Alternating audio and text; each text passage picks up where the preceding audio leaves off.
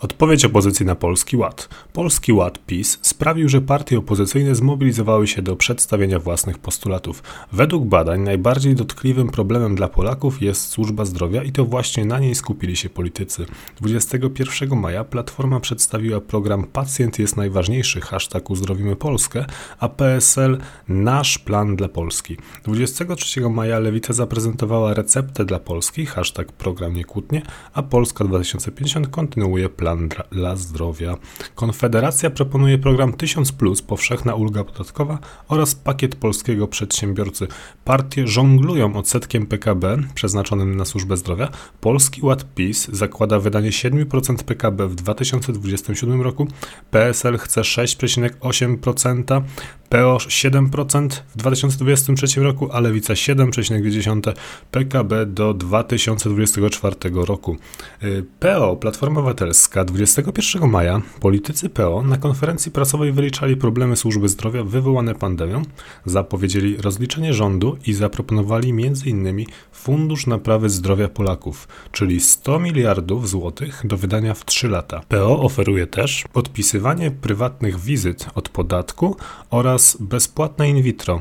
Problem niedoboru lekarzy rozwiążą wyższe pensje i wyręczenie ich w biurokracji przez asystentów. Lewica 23 maja podczas konwencji Lewicy wystąpiły posłanki, które kolejno przedstawiły propozycje reform służby zdrowia, opieki nad niepełnosprawnymi seniorami i dziećmi, edukacji, prawa pracy i polityki klimatycznej. Postulaty lewicy można sprowadzić do zwiększenia finansowania, a konwencja wiała nudą, o czym pisałem w być może zbyt zjadliwym wczorajszym tekście. PSL 21 maja Kosiniak-Kamysz, lider PSL i lekarz, obiecał m.in. zwrot 1000 zł rocznie za prywatne wizyty u lekarzy, dobrowolny ZUS, niewprowadzanie nowych podatków do dwóch lat po pandemii oraz program Ziemia za złotówkę. To pomysł z 2012 roku. Kamysz podkreślił, że obecnie państwo dotuje ludzi już mających dzieci i zaproponował dopłaty do mieszkań do 75 tysięcy złotych na wkład własny. Obecnie Polski Ład zakłada do 100 tysięcy złotych gwarancji spłaty kredytu. Dodatkowo w niedzielę PSL odbył 12 lokalnych konferencji. Konfederacja. Konfederacja określiła program PiS mianem Nowy Wał i najagresywniej atakuje jego rozwiązania z wolnorynkowych pozycji. Jej skarbnik zauważył, że Polski Ład tworzy podział klasowy, bogaci kontra biedni oraz jest ogólnikowy i powierzchowny w swoich reformach. Konfederacja tradycyjnie opowiedziała się za obniżeniem podatków i zmniejszeniem wydatków państwa.